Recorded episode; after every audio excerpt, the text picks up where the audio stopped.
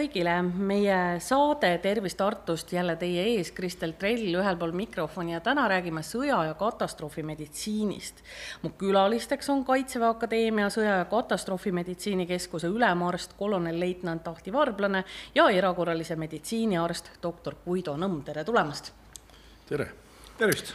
et natukene kuulajale nüüd teie tausta avada, siis tegelikult te olete mõlemad sellised mehed, kes on ise käinud ka päris nagu sellises sõjakoldes kus ja millal? no mina olen käinud paar korda Afganistanis ja, ja siis äh, Helmandi provints, see on Lõuna-Afganistan, kaks tuhat kaheksa ja kaks tuhat neliteist ja, ja siis äh, suur, Suurbritanniaga koos äh, nende välihaiglas, mis hiljem küll oli küll juba koostöös Ameerika ja Suurbritanniaga. et Raul kaks, Raul kolm välihaigla, Camp Bastion mina käisin sealsamas haiglas siis äh, kaks tuhat kolmteist, kaks tuhat neliteist aasta vahetusel ja korra väikse äh, tiiru tegin ka Kabuli äh, lennujaama välihaiglasse kaks tuhat kakskümmend. Kui palju nüüd erineb ühe arsti jaoks, teie, kui te olete erakorralise meditsiini arst ehk siis EMO arst, kui palju see erines tegelikult, mida te seal nägite sellest, mida te olite ette kujutanud või mida te oma igapäevatöös kogesite? väikse märkusena lihtsalt, et äh, doktor Ahti Varblane on meil ka erakorralise meditsiini arst ja pikalt töötanud Tartu Ülikooli Kliinikumi erakorralise meditsiini osakonnas oma tsiviilerialana. aga küsimuse juurde tulles, siis äh, ega see töö seal on suhteliselt samasugune, välja arvatud see, et seda tööd on lihtsalt väga palju rohkem et kui me räägime siin äh, raske äh, sõjatrauma käsitlemisest, siis äh, või üldse, üldse ka üliraskes seisundis traumahaige käsitlemises, siis noh, Tartus tuleb selliseid patsiente ette võib-olla paarkümmend aastas üldse kokku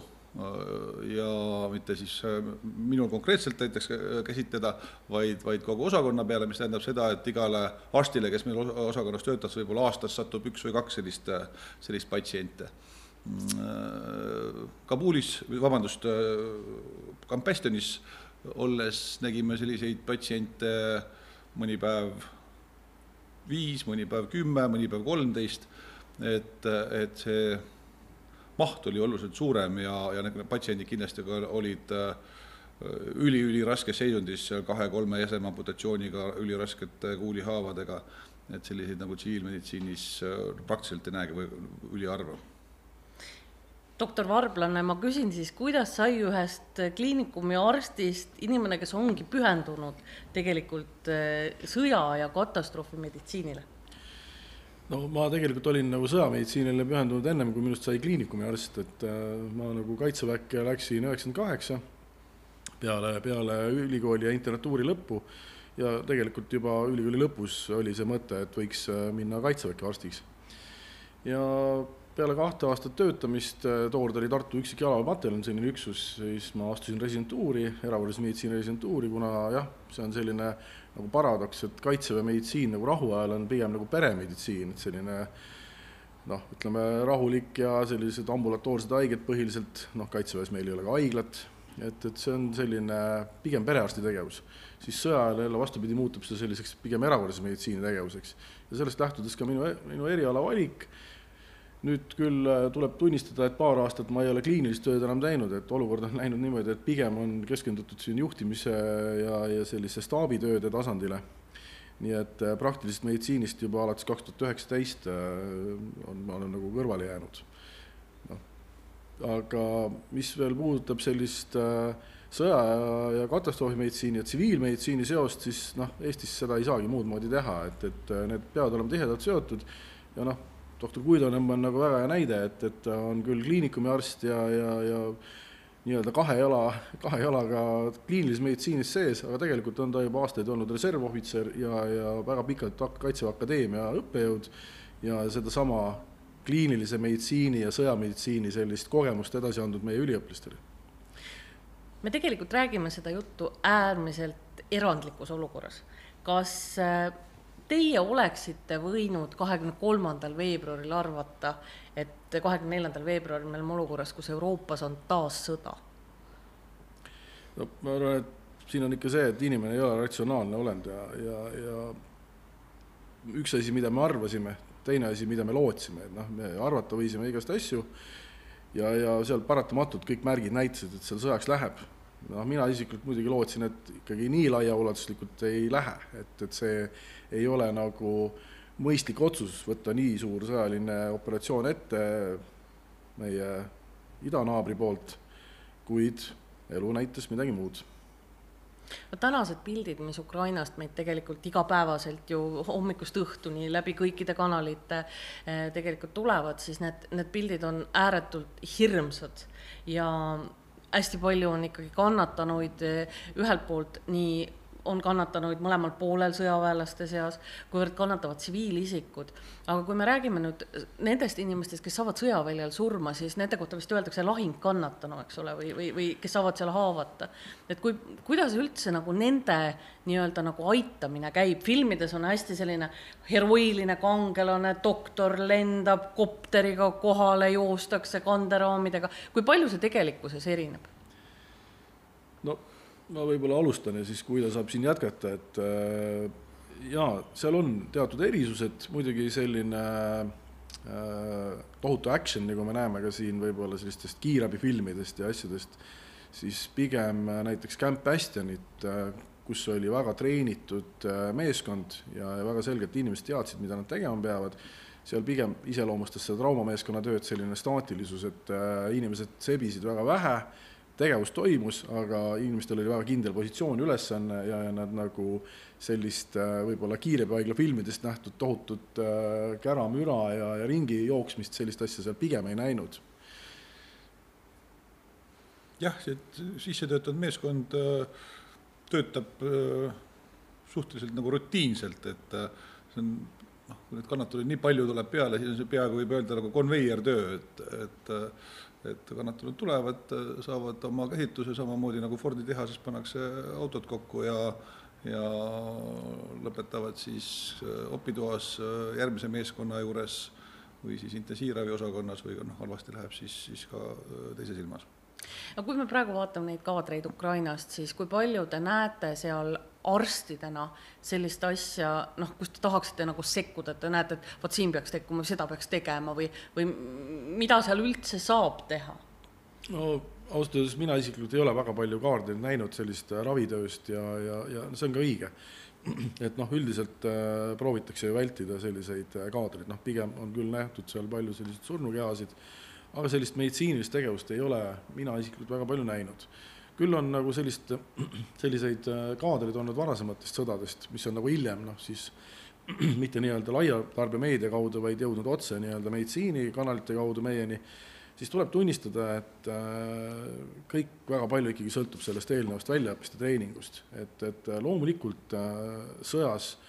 tuleb ette ka sellist äärmuslikku nagu tegevust ja, ja noh, see ongi see, et, et paljud kriisid, noh, nad ei oleks ju kriisid, kui need oleksid väga rutiinsed tegevused. Et noh, meie kogemus, ütleme, kui me räägime nüüd sõjameditsiinist, on äh, pigem sellist madalaktiivsuse konfliktist, nagu oli Camp Bastion. see tähendab seda, et see sõjavigastatu oli täiesti klassikaline sõjavigastatu seal laua peal, sest et ta tuli ju samamoodi rindetsoonist, mis madala üksuse tasemel oli nagu konventsionaalne sõda, et seal olid kõik kuulihaavad, plahvatused, kõik asjad olid olemas, põletused aga, aga ütleme, selles organisatoorsel tasemel oli tegemist ikkagi madalaktiivse konfliktiga, sellest lähtudes ka meie selline väga hea väljaõppega meeskonnad, väga palju ressurssi, mida me saime seal kasutada. nüüd, kui konventsionaalse sõja peale lähme, siis seda ressurssi enam ei ole. ja, ja, ja ei ole ka sellist võib-olla nii heal tasemel väljaõpet, sellepärast et selle traumahaigega peab tegelema võib-olla silmaarst, võib-olla psühhiaater ja võib-olla üldse mitte arstliku elu kutse valinud inimene, võib-olla seal äh, mingi esmaabikursuse läbinud inimene. ja see on see asi, mis sellises äh, suures konventsionaalses sõjas paneb asjad nagu teistpidi paika, see on ressursipuudus ja, ja, ja, ja tingimused, kus seda esmaabi ja meditsiiniabi üldse osutatakse, need lähevad väga ekstreemseks, needsamad üksused, needsamad haiglad on ju rünnaku all, nii et, et see mäng paneb selle mängu reeglid hoopis teistpidi nagu paika ma nägin ühte intervjuud lastehaigla arstiga, kus ta ütles, et ähm, nad on varjunud varjendisse, neil ei ole elementaarseid võimalusi tegelikult anda ei näiteks lastele insuliini, teha ka kõige väiksemaid operatsioone, kas, kas või näiteks pimesooloperatsiooni, neil ei ole võimalik enam teha, see tähendab seda, et, et neil, nad on ära lõigatud kõikidest nendest asjadest, mis meie jaoks täna on loomulikud. et ma olen ka hästi tihedalt üritanud äh, neid ähm, kogu seda tegevust seal jälgida ja, ja kaasa arvatud neid videosid ja neid meditsiinivideosid tõesti on, on vähe, aga nad on äh, üpriski äh, koledad vaadata, et, et kui see laste intensiiv on kolitud sinna keldrisse, lapsed kuvöösidest välja võetud, äh, hingamisaparaati ei ole, lihtsalt üks inimene on kogu aeg see, kes hingamiskotiga siis lapsele õhku sisse puhub. Ja teised koledad kaadrid olid, kus siis äh, elustatav laps toodi, toodi kiirabiautoga kuskile haiglasse. et äh, jah, on oluliselt erinev sellest, mis meie siin rahulikus ilmas teeme, kus me praegust oleme, või kas isegi see, mis me tegime seal Camp Bastionil, kus me ise olime ikkagi turvalises keskkonnas, meie ressurss oli noh, ma ei ütle, et piiramatu, aga ikka ressurssi oli ikka väga palju, aga selline tõelises sõjatsoonis olev äh, haigla, ükskõik, kas ta siis on välihaigla või päris haigla, ütleme siis noh, mis vähemalt eelnevalt äh, töötas äh, tavatingimustes, see on täiesti erinev ja, ja see abi, mis seal antakse, kindlasti see võimekus tuleb aastakümneid, kukub, kukub, kukub tagasi, ehk, ehk lõpuks on seal väga elementaarsed lihtsad, lihtsad asjad, mida seal teha saab igasugune fancy äh, tegevus kaob, kaob minevikku no rääkides sellest, kui palju Eesti arstid saavad aidata neid samu Ukraina piirkondi, kus praegu on tõesti väga raskes olukorras mitte ainult need, kes peavad oma riike kaitsma, vaid ka need, kes, kes peavad sealt kuidagi eluga nagu tulema saama või kuidagi ellu jääma selles pommitamises, siis kui palju on juba ukrainlased küsinud abi tegelikult Eestilt või, või olete teie näiteks kahekesi valmis, kui vaja, sõitma Ukrainasse? Jaa, kõigepealt esimesele küsimusele vastaks, et jaa, seda küsitakse, aga seda abi äh, küsimine Euroopa Liidus üldiselt toimub koordineeritult ja, ja täna on hästi palju on sellist otsekontakti, kuid nagu meie eesmärk on ikkagi see suunata sellisele organiseeritud ja planeeritud tasemele. noh, kui me räägime nüüd traumahaigest, siis me ju sellist äh, kiiret elupäästvat abi me niikuinii osutada ei saa, et, et seal nagu reeglid on see, et noh, selline tunni ajaga esmane meditsiiniline abi ja, kahe tunniga kirurgiline abi, need on need elupäästvad abid, noh, see lihtsalt ei ole puht äh, füüsiliselt võimalik, me ei suuda neid transportida sealt siia. ja, ja nüüd meie saame üle võtta selliseid äh, pigem juba noh, nagu noh, mitte taastusabiks, aga ütleme, selline konstruktiivkirurgia, saastunud haavad, kõik sellised äh, noh, need, millega on nagu rohkem aega ja, ja patsiendiga ei ole nagu läinud fataalselt aga seda poolt äh, jah, me ikkagi Euroopa Liidu tasemel üritame siin organiseerida, organiseeritult tagada. täna võib öelda seda, et, et Eesti haiglad on öeldud ka numbri, mida nad on nagu esmaselt valmis vastu võtma, see number on äh, võib-olla ei ole kõla suurelt, aga me peame arvestama seda, et, et see patsient äh, ei tule siia nii nagu tavaline patsient, ta saab oma esmase ravi ja läheb haiglast välja, vaid see patsient tuleb siia ja jääb siia võib-olla väga-väga pikaks ajaks, sellepärast ta lihtsalt ei saagi tagasi minna kodumaale, mis on ebastabiilne. nii et äh, see, see tähendab seda, et, et ta tuleb ela üle siia kogu oma eluga. kui palju neid inimesi on siis Eesti valmis vastu võtma? tänasel päeval on see number äh, natuke üle viiekümne, mis on esmaselt öeldud, see number ei ole paigas, aga see on väga realistlikult arvestatud number just nimelt koos nimelt selle kõikide järelravide ja muude asjadega, see on üks asi, ja teine asi on see, et, et äh, kuna need süsteemid ei ole käivitunud väga korrektselt, me kõigepealt äh, peame vaatama, mis need süsteemid endaga kaasa toovad ja loomulikult äh, vajadusel me saame seda numbrit suurendada. me peame siiski täna arvestama, et Eestis on ikkagi olemas ka teise astme tervishoiu hädaolukord täna seoses koroonaviirusega, haiglates on väga palju koroonapatsiente hetkel veel ja ka see on äh, teistpidi koormus. me peame arvestama ka sellega, et Ukrainast tulevad inimesed on väga vähe vaktsineeritud ja, ja, ja need on nagu teistpidi nagu selles mõttes äh, oht. Äh,, see tähendab seda, et, et ka siin näiteks haiglas olev koroonaviirus võib nakatada sedasama, sedasama lahingkannatanut või, või, või mingit muud äh, järelravil olevat patsienti, see kõik äh, ju jääb siia meie juurde ja, ja tahab saada kõik seda meditsiinilist ressurssi tahaks jah rõhutada seda, et tegelikult äh, ega koroona ei ole kuskile kadunud ja igapäevaselt haiglas töötades siiski me, me oleme suhteliselt äh, survestatud äh, koroona poolt võrreldes paari aasta taguse tegevusega, meie haigla tegevus on, on väga palju muutunud ja, ja tõenäoliselt nagu päris sinna niinimetatud normaalsusesse ehk kaks tuhat üheksateist aastasse me enam kunagi tagasi ei pöördu. et meil siin mitu, mitu kriisi on üksteise järel meid tabanud ja kindlasti me peame, peame Ukrainat jõudumööda aitama, aga, aga me ei tohi äh, sellega ka neid Ukraina abistatavaid äh, tõesti ohtu panna ma tahtsingi öelda just, et me tegelikult liigumegi nagu kriisist kriisi. see, mis meiega juhtus kaks aastat tagasi, eh, noh, ma ei tea, mulle tundub ja kui ma mõtlen tagasi ka sellele näiteks, et, et mida Eesti Ekspress paljastas, et Eesti kriisivarud tegelikult e-, ei olnud, me ei olnud valmis rohkemaks kui üks massiõnnetus või kaks sellist koroonapäeva, et, et eh, kui hästi me tegelikult olime tookord valmis selleks, et, et meid tabab kriis sellisel kujul, nagu ta tookord tabas kaks aastat tagasi no küsimus on selleks, et kui hästi saab üldse kriisiks valmis olla, et, et, et kui sa oled äh, nii hästi valmistunud kriisiks, et, et sa absorbeerid oma süsteemiga selle nagu täiesti normaalselt ära, siis see ei ole ju kriis. aga noh, nüüd järgmine küsimus on selles, et äh, iga kriisiks valmisolek nõuab väga palju ressurssi ja, ja, ja see ei ole selline staatiline olukord, et täna õppisime ära, täna ostsime varud ja nüüd järgmised kümme aastat on valmisolek kui me täna lõpetame ära koolituse, lõpetame ära õppuse, siis iga päevaga hakkab see tase ju langema, kui me, see ei ole meie igapäevane tegevus. samamoodi on ju varudega, et, et kui see ostetakse varud ära,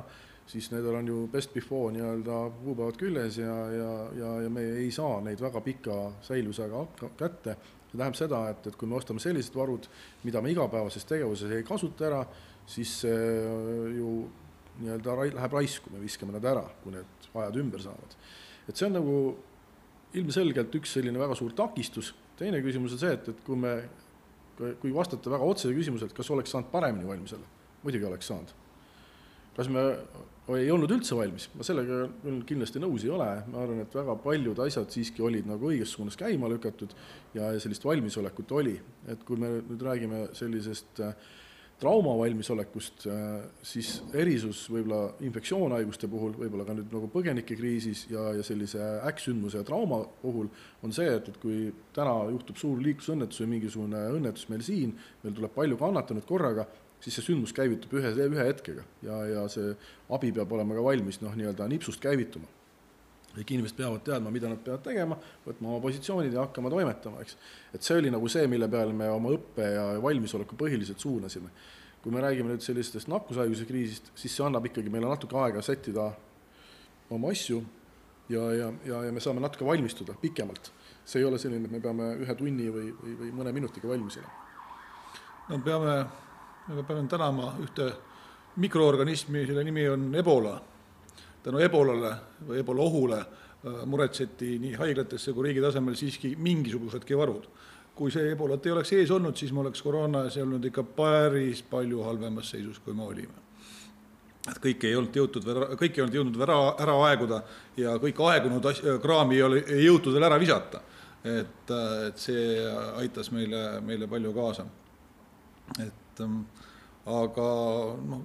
äkksündmusest rääkides, no siin paar päeva tagasi, reedel vist oli see siis, kui meil rongiõnnetus oli, ma ise olin valves. et äh, vaadates, kuidas asi nagu käima läks, siis kurb hakkas, väga kurb hakkas. ehk siis me tegelikult ikkagi, kas me oleme nagu kõikidest nendest asjadest õppinud piisavalt, on minu küsimus riigi tasemel ei ole, haigla äh, sellest õn-, äh, rongiõnnetuse haigla teada ajalehest või ütleme siis Postimehest. mis ei ole kaugeltki normaalne, lepime kokku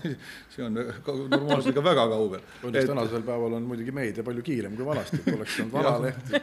siis, siis ei oleks ilmselt neid inimesi saanud aidata. aga et..., aga miks see nii on,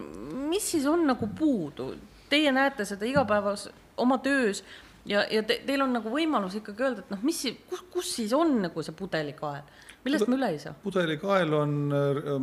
minu arvates äh, riigiametnike saamatustes, saamatuses, nende äh, tahtmatuses aru saada, mis on nagu vajalik, mis ei ole, selline bürokraatlik linnukeste tegemine, et äh, need asjad on, on justkui nagu tehtud, aga nad on ka niimoodi tehtud, et see nagu reaalsest olukorras meid aitab või on lihtsalt linnukese pärast tehtud, siis ma julgen öelda, väga suur osa on, on, on linnukese pärast tehtud ja, ja tegelikult reaalses situatsioonis ei ole sellest kõige vähematki kasu, kui kuskil paberi peal mingi linnuke. kuidas me seda nüüd muuta saaksime? no üks asi on see, et me peame nagu väga selgelt teadvustama, et äh, kui suured meie teadmised üldse, oskused on kriise lahendada ja, ja, ja, ja kui noh, nendest äh, kriisidest äh, need praktilised järeldused, mis on nendes raportites ju kirjas, et need tuleks siis ka nii-öelda käivitada jõudumööda. et mina arvan seda, et, et kõige suurem probleem ongi nagu inimeste nii-öelda harimine see tähendab seda, et, et me ei saa oodata, et inimesed hakkaks tegema mingit asja, mida neil ei ole, milleks neid ei ole õpetatud, milleks neid ei ole ette valmistatud. ja, ja nüüd on lihtsalt küsimus selles, et,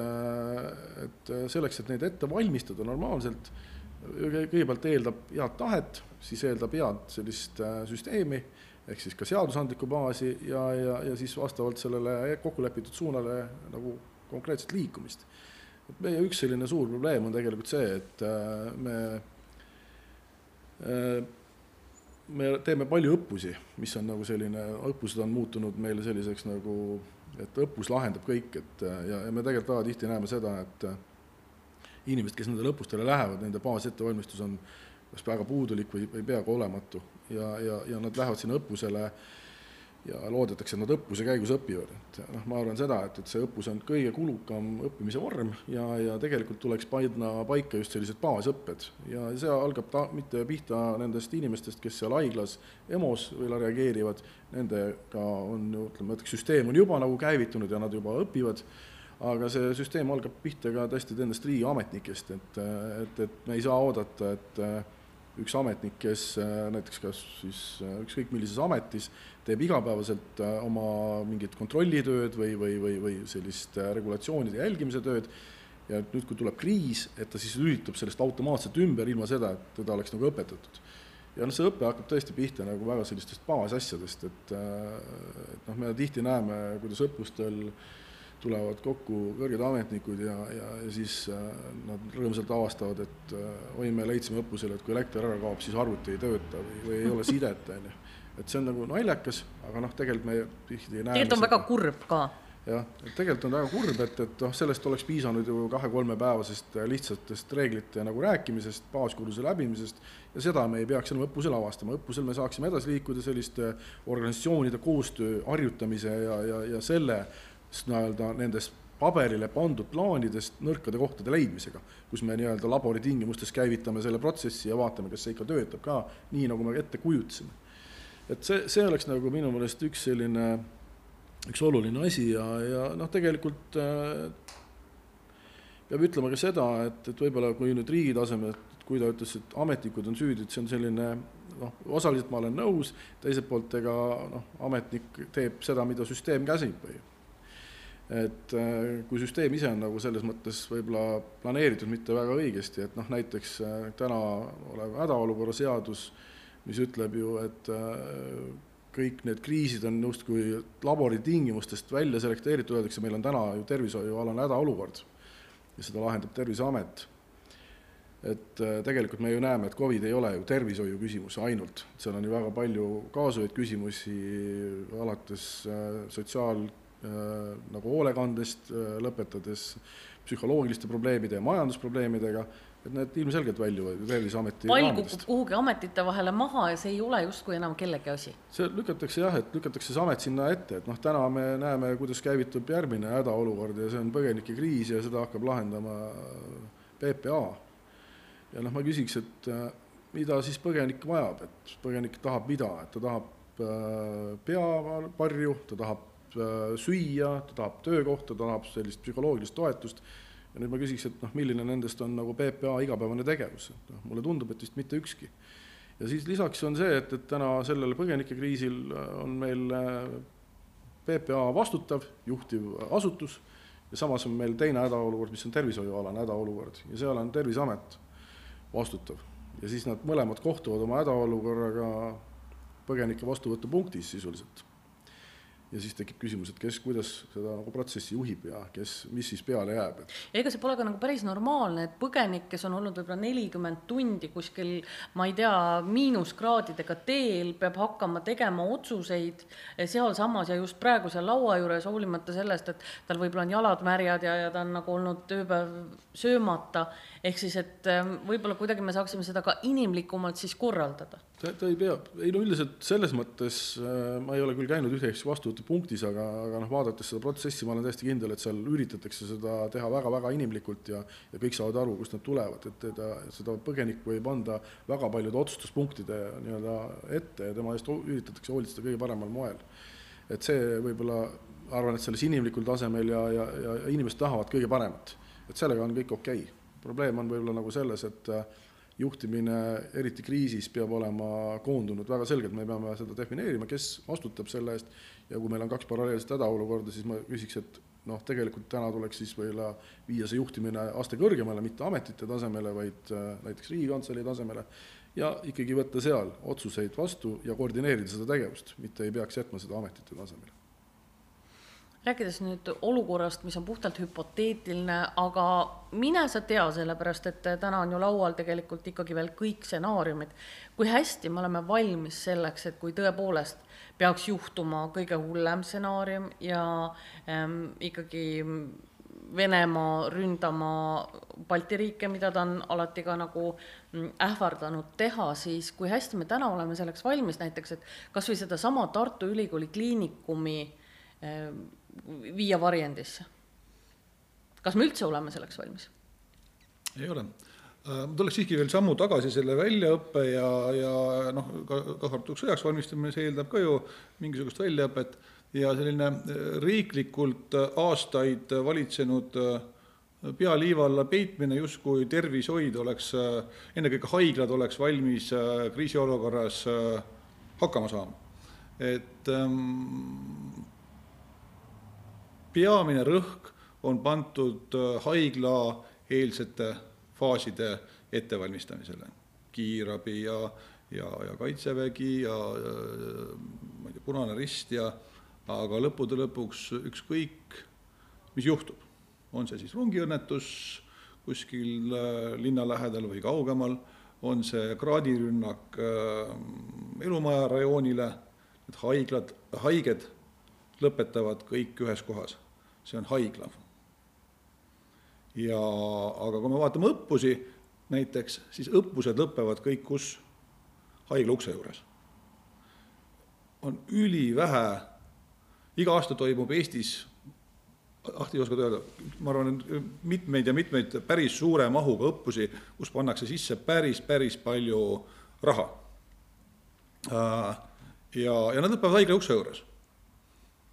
aga päriselt need äh, haiged lõpetaksid ju haiglas. Isegi kui meil kiirabi ei ole, kui midagi ei ole, noh, see on ka erinevatest äh, äh, suurõnnetustest maailmas kümneid ja kümneid kordi nähtud, suurem osa patsiente isegi ei oota mingit kiirabi, vaid nad tuuakse täiesti suvaliste transportidega haiglasse. ja, ja selle koha pealt meie haigla valmisolek seda kõike vastu võtta on, on väga madal, plaanid on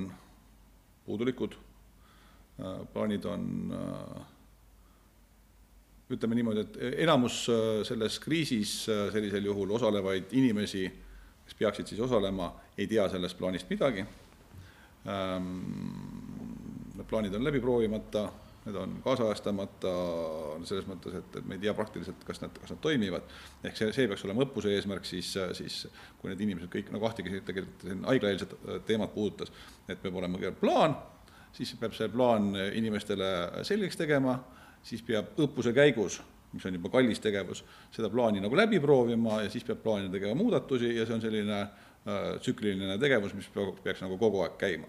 et meie oleme sinna, sinna päris algusesse nagu kinni jäänud, kus, kus äh, plaan on, aga, aga plaani ei ole, ei ole, plaani ei ole inimeste hulgas, kes seda rakendama peaksid, levinud ja kõik need ülejäänud tsüklid sealt, sealt, sellest tulenevalt juba, juba jäävad ära. Miks see nii on? et riik ei ole sinna, sinna panustanud. Äh, kus haiglad saavad oma, oma äh, finantseerimise? haigekassast. haigekassa ülesanne on rahastada ravitegevust. valmisolek katastroofiks, suurõnnetuseks, kriisiks ei ole ravitegevus, ehk seda rahastust ei ole et ma, ma näen, et, et peamine äh, probleem on selles. ja teine muidugi probleem on ka see, et, et ega, ega tuletõrje ei tee ka ju suurõppus samal ajal, kui on, on suur metsapõleng. et, et nad teevad rahulikumal ajal, kui, kui seda ei ole. aga noh, haiglas sisuliselt on metsapõleng meil kogu aeg. et, et sinna nagu, nagu õppus sisse mahutada on väga raske, aga seda peab tegema olles siis kaitseväelasena käinud siin erinevatel konverentsidel, näiteks äh, Iisraelis, kus noh, tegelikult ju noh, euroopalik meditsiin, kõik on sama, samad probleemid, mis meil on, emode ülerahvastatus, sellegipoolest iga haigla, iga viimane kui haigla peab aastas läbi tegema kaks õppust. üks on nendel siis äh, selline lauaõppus, kus nagu reaalselt inimesi ei liigutata, ja teine on päris õppus, kus päriselt pannakse kõik see haigla EMO tegevus vähemalt Äh, seisma, äh, mängitakse läbi, seda hinnatakse siis riigi poolt ja alati siis ka äh, on hindajaks teine sama taseme haigla esindus, kes siis tuleb ja vaatab seda praktilist poolt ja see on nagu pidevalt tsükliline tegevus, noh, loomulikult me võime öelda, et Iisrael on nagu juba, juba oma, oma algusest saadik sõjas olnud ja ma tahtsin ka öelda, et võib-olla see, et relvakonflikt on neil nagu nii-öelda iga päev, noh, ma, ma ei taha nüüd öelda, jumal, jumal, et relvakonflikt peaks olema justkui nagu igapäevane äh, asi, aga neile on see, et see ei ole neile midagi võõrast, midagi ära unustatud, midagi, mis ajalukku kuulub, vaid see on nii-öelda nagu nad, nad nagu nagu reaalsus, et see tegelikult mingis osas nende riigist kogu aeg toimub, mitte et ma tahaks nüüd öelda, et, et võib-olla Eesti õpiks paremini, kui meil oleks kusagil Eesti osas mingi relvakonflikt. aga küsimus ei ole mitte ju relvakonfliktis, sest tegelikult haigla reaktsioon, vahet ei ole, kas okay,, äh, noh, relvakonflikti puhul tõesti on oht haiglal pihta saada, jätame selle välja, aga, aga, aga see valmisolek muus osas on ju, vahet ei ole, kas on äh, rongiõnnetus, on keemia, noh, keemiaõnnetus on omad nüansid, keemiaõnnetus, õnnetus või, või äh, mingisugune muu suurem jama kuskil haiglast väljas, reaktsioon tegelikult, haigla reageerimine peaks olema ühesugune. ma ei, ma ei näe nagu selles, selles mõttes nagu suurt, suurt äh, erinevust. et aga, aga sealt hakkavad need peamised äh, probleemid pihta, kus, et miks, miks ei panustata ja miks seda nagu oluliseks ei peeta rääkides võib-olla sellest, et me oleme läinud liiga mugavaks igal tasandil, kas see võib olla niimoodi, et meil on olnud tegelikult ju selline kolmkümmend aastat üsna sellist noh, võiks öelda ju üsna nagu kriiside mõttes muretut laadi elu või? jumalad on Eestit väga pikalt tõesti hoidnud, hoidnud, et äh, kui, kui äh, noh, sisuliselt suurem selline viimased äh, suuremad suurõnnetuse tüüpi asjad olid, olid Estonia uppumine, mis jäi ka Eesti territoriaaladest välja ja metanooli tragöödia peale seda meil tegelikult ju midagi, midagi äh, suurt ei ole olnud, aga, aga no, küsimus ei ole, kas juhtub, vaid mis juhtub ja millal juhtub et äh, et sellised asjad üldse ei juhtu? sellist ei ole olemas, no see on ju seesama, et noh, et, et kolmkümmend aastat oli, oli, oli rahulikku aega, aga nüüd on koroonakriis ja, ja Äh, põgenikekriis ja noh, annaks jumal, et, et sõda ei tuleks, aga, aga noh, ma ei tea. aga era, me ei tea seda. erakorralises meditsiinis meil ka sõjaväes kehtib sama printsiip, et looda parimat, aga valmistu halvimaks.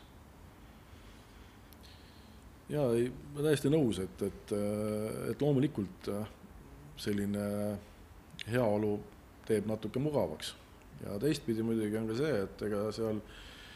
noh, ega päris teise äärmusse võib-olla ei pea ka kalduma, sest et tegelikult äh, noh, ka kriisid, äh, kõik õppused, äh, varud, see taha, see on ju raha. ja kui me, noh, raha ei ole ju lõputult, kui me raha võtame ühest kohast ära, siis ju teises kohas jääb teda vähemaks, et, et, et seesama küsimus, et, et kui me teeme haiglates, ma isiklikult ka heaks, hea meelega näeks, et iga haigla teeks kaks õppust aastas, teine küsimus on see, et see on väga-väga suur hulk töötunde ja, ja, ja see haiglatöö ju sellel hetkel siis nagu kas siis peatub või vähemalt häirub. ja, ja kes, kes selle kõik kinni maksab ja noh, mis mitte maksmises veel jällegi täna küsimus, täna on ikkagi väga selgelt küsimus personalipuuduses, et, et kui need meedikud, kes täna seal igapäevaselt osakondades tööd teevad, teevad juba ületunde noh, kõvasti selleks, et äh, igapäevane elu oleks tagatud, siis kuhu sinna mahub siis äh, õppus loomulikult äh, me seda suudame mingil määral sinna mahutada, aga, aga noh, kuskilt jookseb siis see mõistlikkuse piir. ja, ja noh, ma pigem ikkagi jah, veel kord tulles tagasi selle nagu õppimise, õppimistrepi juurde, siis, siis noh, kui need baasosad on õppimata, siis ei ole ju mõtet seda raha kulutada ja seda suurt õppust ka teha. Teine asi on see, et, et õppustesse peaks sõltuma, suhtuma nagu mõistlikult, et meil on nagu kahjuks on selline olukord, kus paljud asutused teevad õppusi ja, ja nad ei taha, et keegi teine tuleks, vaataks seda, et noh, ise mõtlen õppuse välja, ise viin läbi ja ise hindan. siis ma, ma saan aru sellest, et et see on natuke võib-olla hirm, et ei tahaks näidata, kui ma natuke midagi halvasti teen. et noh, kes ikka tahab siis oma nii-öelda nagu nõrkust teistele välja näidata. teistpidi on see, et, et kui me seda nagu ei näita, siis me ju ka ei õpi midagi ja, ja, ja kui me ei võta kõrvalt seda ekspertiisi juurde, ei võta kõrvalt sellist äh, neutraalset hindamist juurde, siis me teeme ainult nagu linnukese. siis me põhimõtteliselt teeme nagu linnukesi ja, ja, ja neid linnukese õppusi tegelikult äh, vähemalt noh, meditsiinisüsteemis kahjuks ma pean ütlema, et on, on pahatihti. aga noh, mitte ainult meditsiinisüsteemis, siin äh, kui ta tõi välja, et tehakse palju suurõppusi, siis äh, jah, pahatihti see meditsiini osa jääb selliseks väga abstraktseks, et äh, ühelt poolt ta ei peagi minema iga kord haiglasse sisse, mis on väga õige, just selle ressursi nagu mõttes, aga mida näiteks on, mis, mida näiteks peaks tegema, on see, et, et haigla juhtkond peaks väga selgelt näiteks saama aru oma haigla võimekustest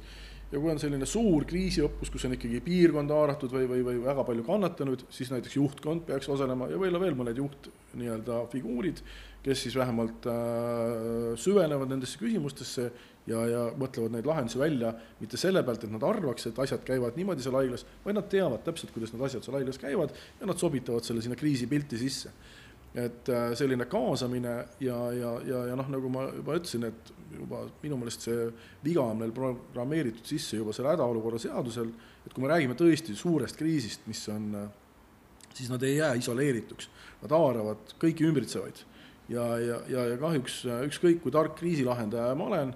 ma tean siiski ikkagi oma lõiku, mina ei tea, kuidas see, ma ei tea, võib-olla see kütus sealt paagist välja saab, eks ju, seda ma võib-olla ei saa aru aga selleks on teised inimesed. Ja, ja see ongi nüüd see, et, et kui me vahendame kriisi, mis on piirkonda või suurt äh, gruppi haarav, siis peab olema sinna kaasatud ka neid teisi spetsialiste ja, ja noh, loomulikult neid ei tohi kaasata ilma eelneva õppeta järjekordselt, noh, seda ma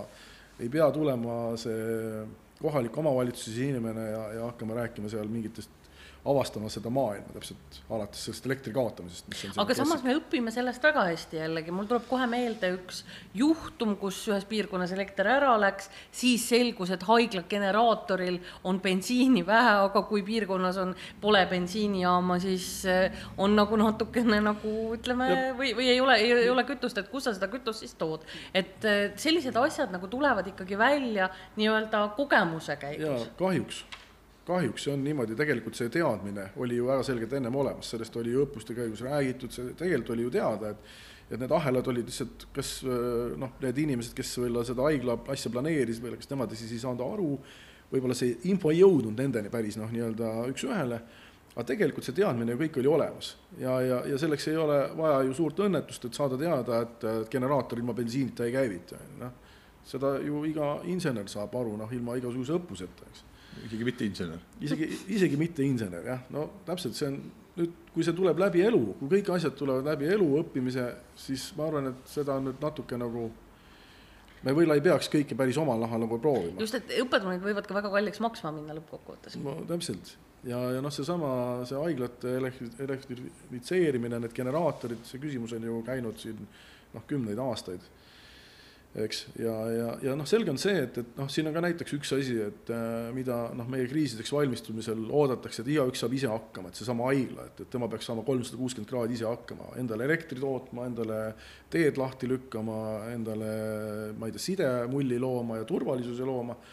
nüüd see asi on läinud paremaks, kui ta olid mõned ajad tagasi, kus tõesti oodati kolmsada kuuskümmend kraadi ja, ja mitme kilomeetri raadiuses sa pead hakkama saama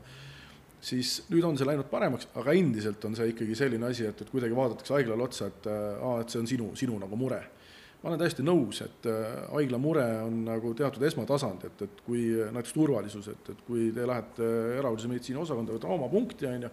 ja seal on näiteks purjus inimene, kes on natuke agressiivne, siis teie ei peaksite tundma ennast ohustatuna. see on nüüd haigla mure, et see oleks turvamees, et selline elementaarne igapäevane ohutus on tagatud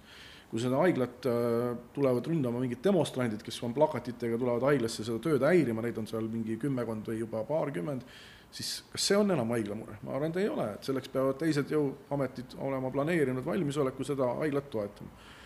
kus nüüd teised jõuametid jäävad hätta oma haigete raviga, on ju, siis see ei ole ju nende mure, see on haigla mure. see on nüüd ongi nagu see, et, et igaüks peab tegema seda kriisis, milleks ta on kõige paremini valmistunud, aga see ei tähenda seda, et ta peab kolmsada kuuskümmend kraadi ise hakkama saama kriisides. Me peame üksteist toetama, need ülesanded peavad olema mõistlikult ära jaotatud ja me peame tegema koostööd jah, ma enne rõhutasin seda Iisraeli kogemust, kus on kaks õppust aastas, me ei pea nagu üks-ühele seda üle võtma, aga, aga ma lihtsalt tõin näiteks selle aga kui mingi mõistliku aja tagant oleks äh, õppused, siis kindlasti see oluliselt äh, parandaks. Äh, see niisugune kriisi, meditsiinikriisi lahendamise süsteem on nagu MIMS, see on üle võetud nüüd siin Eesti Kaitseväe ja, ja kiirabi poolt, tahaksime ka haiglatesse üle võtta, siiamaani ei ole seda vajalikuks peetud või võimalikuks peetud, aga ma käisin seda õppimas Inglismaal Äh, väikses, noh, meie mõistes siis nagu enam-vähem, enam-vähem selline Ida-Viru või Pärnu haigla suurune haigla. Ja seal näiteks oli tööl eraldi täiesti inimene, kes igapäevaselt äh, tegutses sellega, et äh, haigla oleks update itud kriiside koha pealt, et kõik dokumentatsioon, mis vastu võetakse, oleks, oleks, sobistuks selle kriisiplaaniga või vastupidi, siis kriisiplaan sobitada need uute plaanidega. Inglismaal on oluliselt lihtsam ka, seal on NHS ja, ühtne süsteem, riiklik äh, äh, meditsiinisüsteem, aga näiteks ähm, ükskõik, mis nagu kas päris sündmus või õppus, mis riigi tasemel suure, suures riigis nagu Suurbritannia läbi viiakse, sellest tehakse nagu lessons learned või äh, mida me siis saime targemaks ja see läheb kõigile, mitte siis nagu sellele haiglale, kes seda tegi, või sellele asutusele, vaid see läheb kõigile laiali. Samamoodi ka reaalsete sündmustega, no oli see nüüd Londoni pommitamine, kui seal äh, metroosse pomme pandi või, või midagi muud, kui seal midagi reaalselt juhtub, kahe nädala, kahe nädala jooksul tekib lessons learned ja selle, see kõigile haiglatele laiali, meil on see äh, praktiliselt riiklik saladus. Äh, aga see oleks meil ka ju rakendatav ja see hakkab ikkagi pihta sellest samast noh, inimlikust suhtumisest, et, et me peame nagu jõudma noh, Suurbritannias on üldse natuke selles mõttes ka teistmoodi, et äh, seal on väga hästi ju paigas ka see süsteem, kui ma teen äh, meditsiinilise ravivea, siis ma ju iseenda peale kannan ette sellest. see süsteem on väga selgelt paigas, täna noh, me ei saa öelda, et Eestis selline süsteem väga, oleks väga laialt levinud ja oleks väga nii-öelda igapäevane. et noh, ja kas, tekib küsimus, kas me siis vigu ei tee? Noh, ma arvan, et sellele võib igaüks ise vastata, on ju et noh, ilmselgelt me ka teeme vigu, aga me lihtsalt võib-olla ei raporteeri nendest nii süsteemselt. ja, ja, ja küsimus on selles, et noh, me see raporteerimise süsteemsuse puudumine hakkabki pihta sellest, et äh, kui midagi läheb kuskilt valesti, siis noh, meie mentaliteet ütleb, et kõigepealt tuleb leida süüdlane, eks.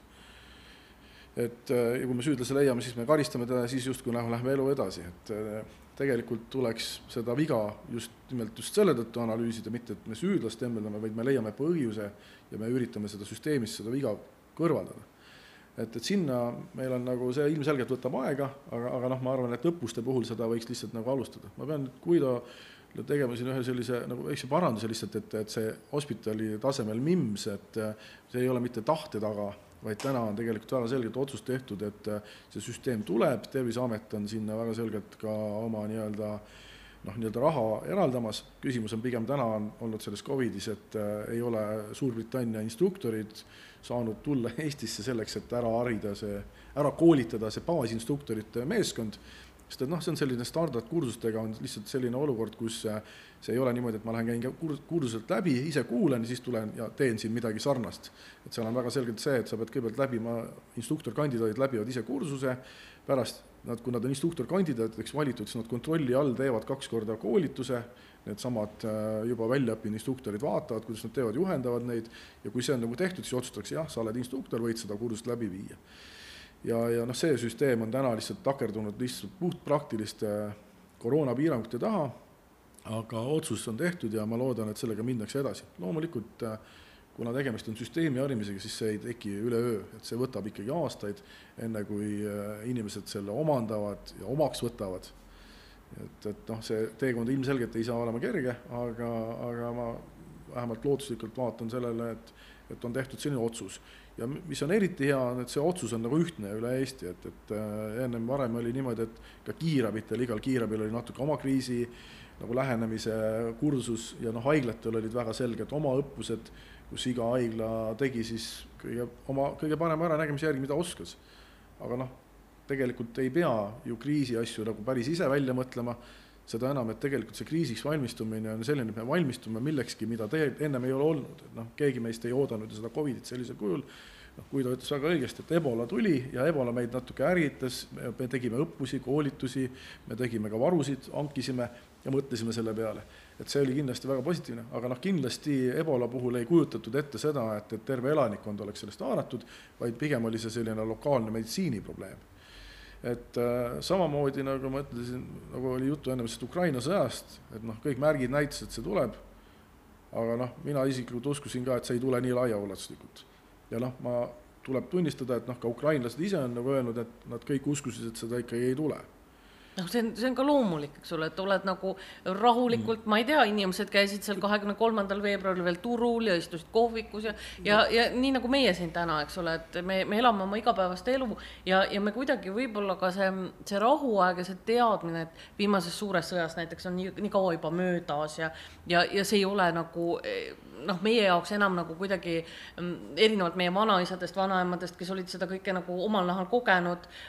nemad ei, nemad kogu aeg nagu olid veidikene nagu selleks, et, et võib tulla uus sõda, meie, kes me oleme nagu sündinud juba noh, sõjaga nii suures võib-olla ajalises vahes, me enam ei taju seda, et see võib olla nagu reaalsus. Nüüd ongi halb, on selleks kriisiks valmistumise puhul on see, et, et ka kriisiks valmistujad loodavad, et noh, et, et ei, et ei tule, on ju aga, aga noh, kui sa selles mõttes ise seda ei usu, siis see valmistumine on ka natuke nagu selline, et noh, me valmistume, aga noh, ärme nüüd väga üle pinguta siin praegu, eks, et noh, see on natuke probleem, et see on nagu, mina arvan, et need inimesed, kes on nagu pandud selle kriisileks valmistumisele, noh, nad tõesti saavadki palka selle eest, nad tõusevad hommikul üles, mõtlevad, et nüüd on Eesti ohus ja võib-olla tulebki kohe see kriis ja, ja mina teen kõik endast oleneva, et ma oleks selleks valmis. et sa ei saa nagu mõelda, et kardan, et tuleb, aga ma loodan äkki ikka, et ei tule ja siis see valmistumine jääb natuke selle taha aga te, minu meelest on see ikkagi ka noh, kasvõi seesama asi, millest nüüd, nüüd kõik räägivad, on see tsiviilkaitse see igaühe enda nagu vastutus ja see asi. mina olen nõukaaegne laps, mina panin viimati gaasimaski pähe, kui ma olin, ma ei tea, mingi esimeses klassis äkki või, või ma ei tea, läksin keldrisse siis, kui ma olin esimeses klassis. mul puuduvad absoluutselt igasugused teadmised, niisugused elementaarsed teadmised, mis aitaks mind nagu kriisiolukorras tõesti võib-olla ellu jätta, eks. et ähm, no kuidas sellega on, kuidas seda nagu muuta, et nüüd täna inimesed räägivad sellest, et oh, et me oleme nagu ärkasime, et tegelikult need asjad võivad olla reaalsus. No võib-olla see nõukaaeg ei ole kõige parem näide, aga, aga, aga tõepoolest, et sellel ole, oli see tsiviilkaitse oli selline laialt levinud ja noh, me pidime teatud asju tegema, tõesti neid vati, vatimarli maske ja, ja igasuguseid muid huvitavaid asju, plakatid olid seinte peal, kuidas tuumarelva korral pikali heita ja nii edasi nojah, palju seal nüüd nagu seda tõde oli, et noh, mingid asjad kindlasti aitavad, on ju, et noh, isegi Covidi ajal on me näinud, et selline vatimarli side ikkagi on isegi seal olnud, on olnud nagu abiks, aga et eh, noh, ma arvan, et täna on nagu teadmised ja oskused edasi arenenud, et nüüd tuleks siit samm edasi astuda ja, ja ikkagi need samu inimesi, kes käivad koolis, et neid tuleb harida. Ja, ja noh, seda ju saab paljuski integreerida tava õpetesse, on see siis, on see siis füüsika või loodusteadused, sa saad rääkida, kuidas tulekahju puhul käituda, kuidas abi kutsuda,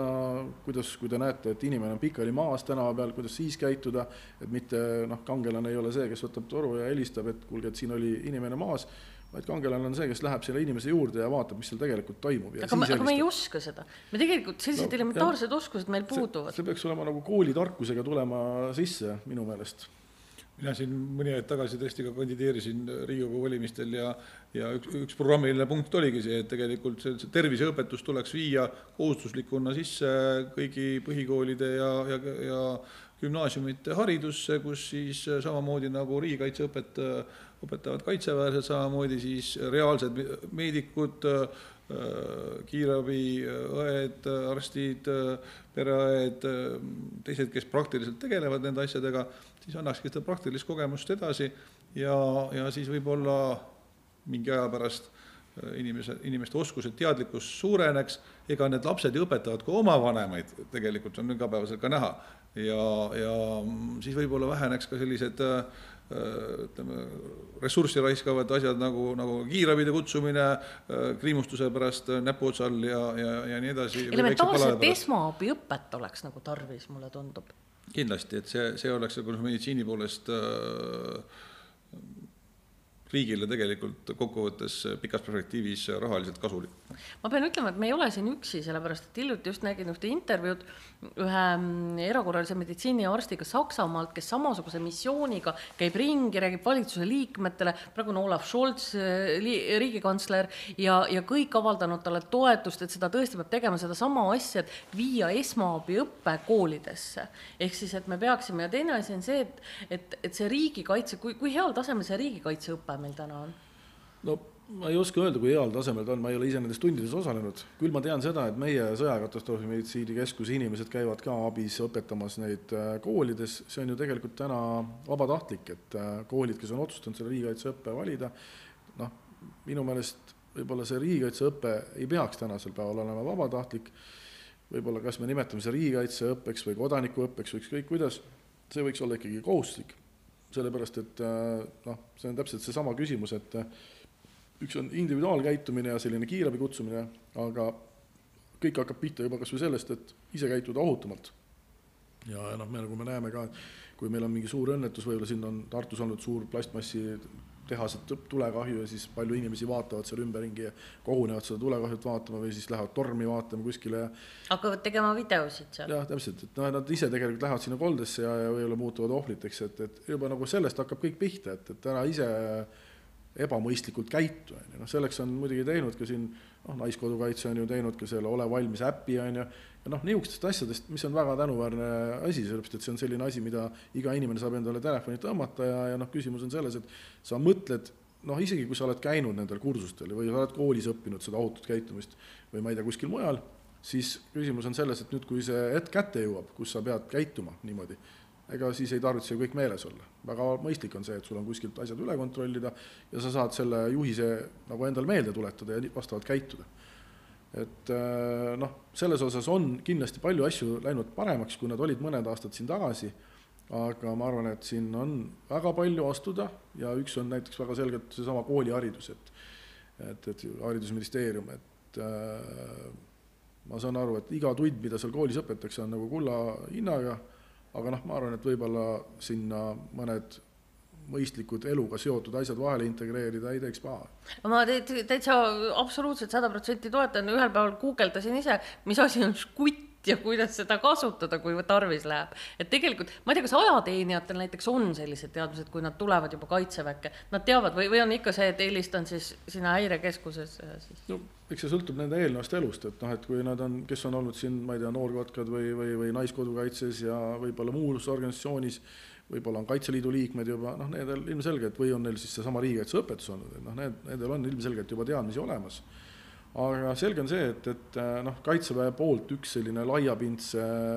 noh, nii-öelda panuse osa on kindlasti see, et kõik ajateenijad saavad esmaabiõppe ja saavad seda üldiselt väga pädeval moel, oskavad verejooksu peatada, oskavad seal kannatanu esmast abi anda, oskavad ka, ma loodan, et oskavad ohutult käituda sündmuskohal ja kas või kiirabi kutsuda. Et see on tegelikult väga oluline osa, sest et noh, iga aasta mitu tuhat inimest, noort inimest käib läbi sellest ajateenistusest ja me iga aasta mitu tuhat noort inimest laseme nii-öelda süsteemselt meie ühiskonda, kes võiksid olla valmis selleks, noh lisaks muidugi igas jaos, iga noh, kümnemeheline üksus on jaos laskursanitar, kellel on veel kahenädalane väljaõpe ja lisaks on siis äh, meil igas rühmas peab olema rühmaparameedik või siis meditsiiniüksuses lihtsalt parameedik kes on saanud sellise kümnenädalase väljaõppe ja, ja noh, need on juba ikkagi nagu sellised inimesed, kes seda esmast ütleme, reageerimisvalmisolekut ühiskonnas võiksid tõsta.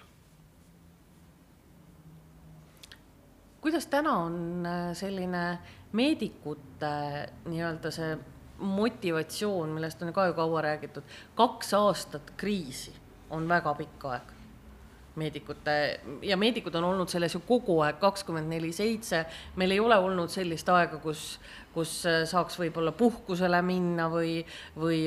olla nagu nii-öelda normaalsuses. No õnneks päris nii hull ei ole, et üldse nagu puhata ei ole saanud, eks kõik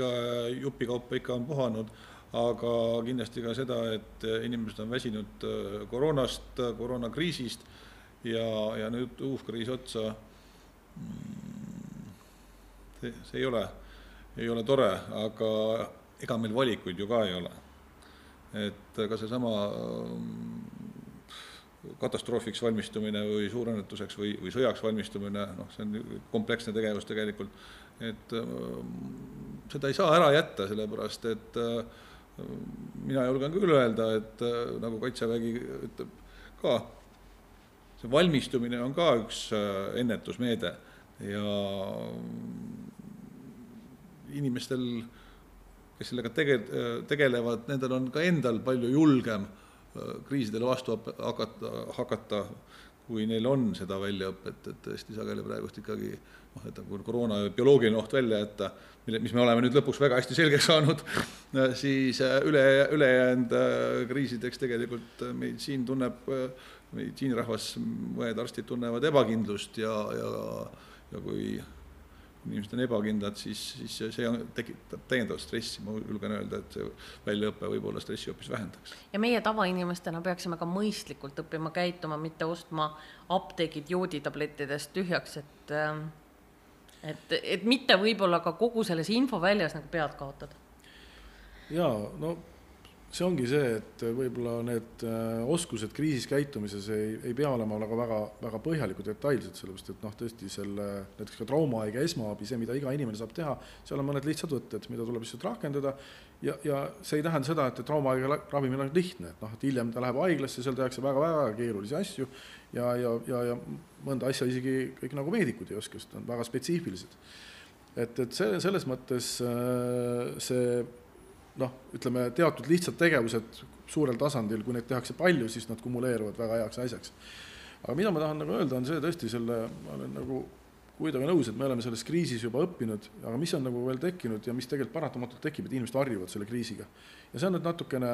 ühelt poolt on hea, see on selline elu alalhoidlikkuse jaoks on see oluline, et me ei pea nagu lõputult põdema, aga no inimesed harjuvad nii selle Covidiga, kui nad harjuvad ka sõjaga ja nüüd on nagu see probleem, et mingil hetkel see harjumus nagu muutub kahjulikuks. et ka Covidiga noh, me oleme nagu võib-olla suhtume temasse teatud hetkedel ükskõikselt, et noh, hea oleks see, et, et me sellest kriisist oleme head asjad ikkagi võtame kaasa. et, et äh, kui meil tulevikus on näiteks gripipuhang, on ju, siis me ka oma gripiga ei lähe, gripisümptomitega ei lähe oma vanema juurde näiteks külla ja ei põhjusta temale seda haigust, mis tema siis lõpuks lõpeb temale väga halvasti et see on näiteks nagu see elementaarne asi ja noh, mida me siin võideldakse mingite maskide vastu, ma olen nõus, et, et käsu korras kõiki asju siin igal pool kandma ei peaks ja on väga selgelt ebamõistlikud kohad võib-olla, aga selline mõistlik käitumine võib-olla nagu noh, nagu Jaapanis ja sellistes kohtades, kui ma olen haige, et siis ma ikkagi kannan seda maski ja nii edasi. sõjaga on täpselt samamoodi, sõjaga nüüd on see oht, et me tegelikult see Ukraina sõda hakkas ju kaks tuhat neliteist, see on uus lahing et see sõda ju tegelikult läheb edasi ja, ja me harjusime ära, me tegelikult ei mäletanud, et Ukrainas on sõda ja, ja, ja ukrainlased olid üksi oma probleemidega. et, et noh, nüüd ka esimesed nädalad me vaatame neid õudusi, mingil hetkel me ei taha neid enam vaadata ja me ei tegele sellega enam, et noh, ma ei tahaks, et tegelikult inimesed harjuks, et see sõda Ukrainas muutub selliseks konstantsseks olukorraks. et seda ei tohiks juhtuda. ja me ei peaks unustama seda, et, et seal on ikka vägivald iga päev aga teine asi on see, et sõjaga on ka seotud väga paljuski pandeemiad. et ka see ei ole veel noh, ütleme niimoodi, et me ei ole kaugeltki eh, suuremate, veel suurematest probleemidest väga kaugel. kui ma vaatan näiteks seda, et langenud jäetakse sinna tänavatele, siis noh, see on ka ikkagi üsna murettekitav ei, kindlasti mitte ja kahjuks tuleb tõdeda, et Ukrainas ei ole ka näiteks vaktsineerimine nagu nende elanikkonnas nagu meil Eestis sellega võrreldes on ikka olukord palju-palju parem. et ka seal on sellist vaktsiini, mitte ainult, ma ei räägi koroonavaktsiinist, aga ka teistest haigustest, on jäetud paljud vaktsiinid tegemata ja see loob hea pinnase, et noh, kui nüüd on seal sõda ja, ja hügieeniolukord halveneb, noh, nagu me oleme näinud siin terved linnad on elektri ja veeta, on ju, siis see lihtsalt isegi selle laibata see lihtsalt tekitab sellise olukorra, et seal paratamatult mingid haigused vallale pääsevad. jah, kui me mäletame, siis tegelikult äh, siin äh, paar aastat tagasi oli, oli vist leetriepideemia seal äh, lahti ja, ja otsapidi jõudis isegi vist Eestisse mõned, mõned kergemad juhtumid küll õnneks. aga mm, jah, see on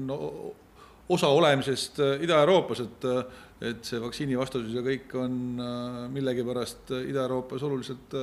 levinum aga miks see nii on, mida me, mis meid siis takistab, kui ma vaatan Norrat, kus on seal peaaegu üheksakümmend protsenti inimesed on vaktsineeritud, mis meil siis viga on? ma usun, et see on selline just nimelt see vastandumine riigiga, et äh, põhjamaised heaoluühiskonnad on rohkem äh, äh, riik on osa inimestest ja inimesed on osa riigist idapoolne suhtumine on, et mitte siis inimene, mitte riik ei ole inimese jaoks, vaid inimene on riigi jaoks, noh, eriti siis Venemaal, aga, aga ka teistes Ida-Euroopa riikides, ja siis tekib niisugune vastandumine, et mina ei taha olla osa riigist ja vaktsiin on osa nagu riigi poliitikast, et ma siis olen nagu selle vastu et noh, seda on päris palju siin uuritud äh,, räägitud ja, ja mulle on küll vähemalt niisugune mulje jäänud. aga kuidas me seda muuta saame, me, me peame ikkagi selleks, praegu on ju see ellujäämise küsimus sõna otseses mõttes, et me peame seda kuidagi muutma ju no selge on see, et, et käsu korras seda ei muuda, et, et äh, ma arvan, et seda saab ikkagi muuta ainult läbi läbi inimeste harimise ja sellise võib-olla hirmude leevendamise, et, et noh, mõnes mõttes äh, noh, ma saan aru, et seal on tõesti erinevaid põhjusi, miks inimesed ei taha vaktsineerida, noh, alates võib-olla hirmust, võib-olla lõpetades tõesti sellise lihtsalt vastandumisega ja põhimõtetega, aga noh, oluline on see, et, et loomulikult äh, ka vaktsiin on risk, eks ju. aga noh, siis küsimus on see, et, et noh, miks siis osad inimesed peavad teiste pärast võtma nagu riski ja, ja, ja teised võivad siis nagu kõik nagu üle lasta, et et see on ikkagi selline noh, vastutus on vaba või noh, vabadus on ka vastutus, eks, et, et, et, et, et vastutus või noh, sellise vaba ühiskonnaga peab kaasnema väga selgelt ka vastutus, see ei ole lihtsalt see vabadus kõike teha. et mina ei pea nagu üldse panustama, et, et äh, me peame mingeid asju tegema ka teiste pärast. absoluutselt, et see üldiselt ongi teiste pärast nagu. jah, osaliselt on see riskide, riskide nagu hajutamine, aga kõik võtavad ühe, ühesugused riskid samas ma ei ole päris sada protsenti nõus Ahtiga selle, et vaktsineerimine ei saa olla kohustuslik, et noh, okei okay,, võib-olla ebola puhul veel on, aga aga kui näiteks, tähendab, koroona puhul veel on, aga näiteks kui oleks ebola suremusega üheksakümmend, kaheksakümmend, üheksakümmend protsenti, rõugetest me ju saime lahti, see ei olnud vabatahtlik vaktsineerimine rõugete vastu, et teatud Täna... tingimustel siiski, siiski peab jääma selline ühiskondlik äh, mõnikord ka kohustus. ei ole vabatahtlikud, kas me saame, paneme turvavöö peale, ei ole vabatahtlik, kas me täidame liikluseeskirju, et ähm.... jah, ma tegelikult nüüd pean kuidagi jälle nõus olema selles mõttes tõesti, et ega keegi ju meile väga andeks ei anna, kui me seda turvavööd ei kasuta ja kuigi me teame, et ka turvavööst, kui on auto avarii, siis turvavööst tekib ka vigastusi, eks, et noh, nüüd ongi küsimus selles, et mis on tema suurem väärtus, kas see, et, et ta tekib, võib tekitada vigastusi või see, et ta päästab su elu, et äh, ja noh, vaktsiiniga selles mõttes ma olen nõus, et, äh, et mingil hetkel võib-olla peaks tulema tõesti otsus, et kui ühiskondlikult on vaja, et me sellega nagu toimiksime ja ka tulevad tõesti ohtlikumad haigused, mis võivad ju tulla, siis mingil hetkel tõesti see otsus, et äh, ei saa ise otsustada. Aga miks on niimoodi, et vaktsiinide vastu on ennekõike põlvkond, kes äh, võib-olla nõukogude ajal, kellele tehti igasuguseid vaktsiine, noh, seal ei olnud mingit äh, sellist, et keegi küsis sinu käest, kas sa soovid oma last vaktsineerida või mitte. vaktsiinid tehti ja kogu moos. ma olen nüüd äh, päris tihedalt pidevas kontaktis selle vaktsiinivastaste mm, keskkonnaga ja ma ei ütleks, et see oleks nagu üks põlvkond, et see on ikka suhteliselt laialdane et noh, nii-öelda need nooremad inimesed, keda kutsutakse ka lumehelbekestesse justkui, kes ei ole päris, päris ohtude ja maailmaga kokku puutunud ja teine, teine ots on siis tõesti need äh, meievanused või meist vanemadki inimesed, kes nõukogude ajal ometi kõik vaktsiinid saanud, aga ka kõik teised, kes sinna, sinna vahele jäävad. et see pigem ei ole just mitte niisugune põlvkonna küsimus, vaid, vaid uskumuste küsimus, et kes kes on vaktsiinide vastu ja, ja seal usub neid äh, vandenõuteooriaid, siis ega, ega, ega see ei ole ainuke vandenõuteooria, mida nad usuvad, reeglina on nende pea ikka neid vandenõusid täis ja, ja aga ega me muud moodi seda vist ei muuda, kui ainult pideva sellise teavitusega ja kui ma vaatan, kuidas nagu, et, et see nii-öelda see, et ongi nagu see, et, et ühelt poolt see, et ühel hetkel ei jää meil peale sunni mitte midagi, peale kohustuste mitte midagi üle, teiselt poolt on see, et kuni see, see olukord on veel võimalik, et me, me peame inimesi pidevalt nagu nii-öelda sellist te,, tegema sellist tuima rahvavalgustuslikku tööd. nojah, kui siin ju tegelikult äh, noh muidugi ekstreemsed näited on sellised täielikud koroona eitajad ja kes ütlevad, et seda haigust pole olemas, nii nagu ei ole sõda Ukrainas olemas, et noh, see on nüüd ikkagi noh, ma ei tea, lausrumalus, et aga see on ka osa propagandatööst, et me peame osa... ka nagu mõistma, et, et see on osa vaenlase propagandatööst. küsimus ongi jah selles, et noh, et see, kes väidab, et mis on selle põhjus, et kas ta tõesti siis ise usub või ta saab sellest mingit kasu, eks, et aga noh, selles mõttes igal juhul noh, päris rumaluste uskumine on, on, on nagu ikkagi, ma ei oskagi öelda, et, et noh. Aga me ei saa neid inimesi ka välja lülitada ühiskonnast, et me peame ja... neid ikka kuidagi püüdma harida. aga, aga, aga suur osa nendest, nendest ved, eestvedajatest on siiski ise kasusaajad. Et kui me räägime siin äh, Telegrami väljaandes, kes müüb äh, kulda, lõpetades äh, nende vaktsiinivastastega, kes müüb seal imekristalle ja kes paneb sõnu loeb peale ja, ja kes müüb mingisuguseid õlisid või värke et noh, neid on ju päris palju. aga pimesoolepõletikuga on nad ikka haiglaukse taga? lõpuks küll jah, jah, aga samas nad väidavad ju lugeda, et, et isegi hamba, MMS-iga võib isegi hambaauke ravida ja pimesoole, pimesoole tagasi kasvatada. et kui pimesool on välja võetud ja on haige olnud, rumala peaga lastud välja võtta, siis tegelikult äh, õigete ravimite ja õigete võtetega saab pimesoole tagasi kasvatada aga tegelikult ikkagi, kui need inimesed juba jõuavad haiglasse, siis ikkagi, kas neid seal on võimalik ikkagi nagu nii-öelda veenda selles, et meditsiin ei ole nende vaenlane, vaid nende abistaja ja aitaja? ma ei, öeldes ma isegi ei ole äh, kohanud äh, sellist uksest sissetulijat, kes nagu tuleb abi järgi ja siis nagu Uh, no, ma ei usu. jah, ma, ei usu ja ma ei ole sellega nõus, et noh, on küll, küll tõesti niisugune igapäevane, et, et jah, et, et ma tulin nagu valuga, aga valuvaigisteid ma nõus nagu saama ei ole, võtma ei ole. et noh, neid veel on, aga tõesti, kui sa tuled nagu pimesoole põletikuga ja ja, ja ütled, et sa mitte midagi ei usu, no tänapäeval ega pimesuulepõletikku ravitakse ka aeg-ajalt antibiootikumidega. et, et e-, eks alati üritab alternatiive leida ja, ja ongi võimalik leida, aga kui sul on ikkagi veri välja jooksnud ja, ja sa vereülekannet ei saa, siis sa ikkagi sured ära ja, ja nii ongi. aga jah kui me nüüd selle jutu kokku võtame, siis mis on need asjad, mida me peaks nagu tegema üksikisiku, mida me peaksime tegema riigi tasandil? Täna? milleks no.? selleks, et vältida suuremaid kriise selleks, et eh, kuidagi nagu tulla elu ja tervisega välja sellest sõjast, tulla elu ja tervisega välja koroonapandeemiast ja nii edasi. kriisi noh, vältida tegelikult eh, noh, me ei saa, kui see, kui, kui äh, Venemaa tuleb tankidega üle piiri, siis ükskõik, mida me praegust ütleme noh, praktiliselt teeksime ega me seda vältida saa, me peame ikkagi valmistuma selleks, et sellega võimalikult hästi nagu toime tulla. ja, ja noh, lõpuni, lõpuni vältida kindlasti ei saa, et, et see teistpidi nagu ennem siin juba juttu oli, et selline mõistlik käitumine peaks olema noh, inimesed peaks aru saama, et kust algab risk ja, ja, ja mis on riskikäitumine, mis ei ole, et, et sellist nagu individuaaltaseme arusaamist ja õpet, et seda peab kindlasti nagu, nagu edasi arendama ja, ja, ja noh, sellist äh, natukene valmisolekut ka ise väiksemate kriisidega hakkama saama, et noh, kui tõesti noh, tõesti läheb elekter ära ja kakskümmend neli tundi ei ole, et ma saan siis ise hakkama, ma ei ole kohe kellelgi häda nagu abi küsimus. et see on kindlasti, mida inimesed ise saavad teha ja noh, ma arvan, et inimeste enda on selline nagu mõistlik suhtumine, et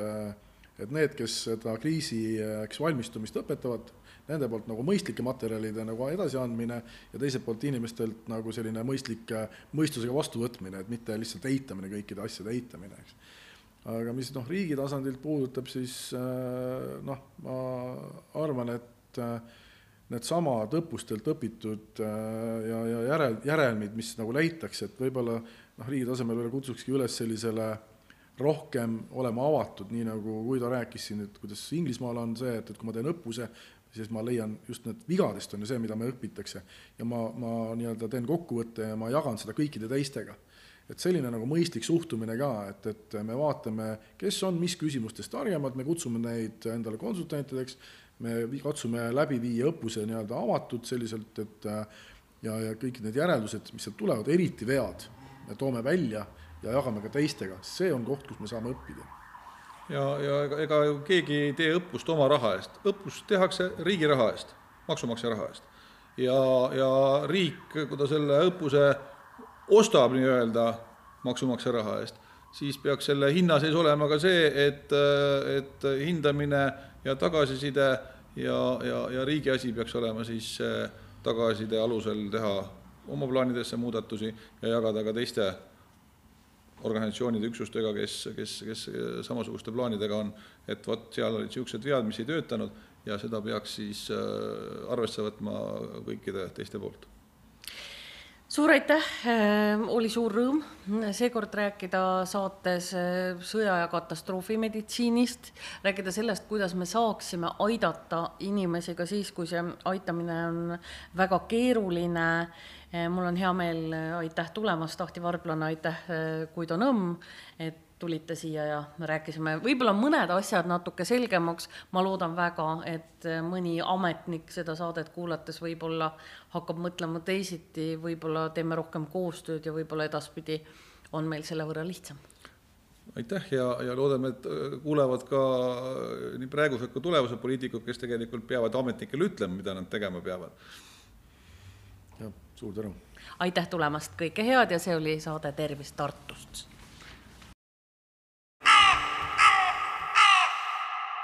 Tartu Hääl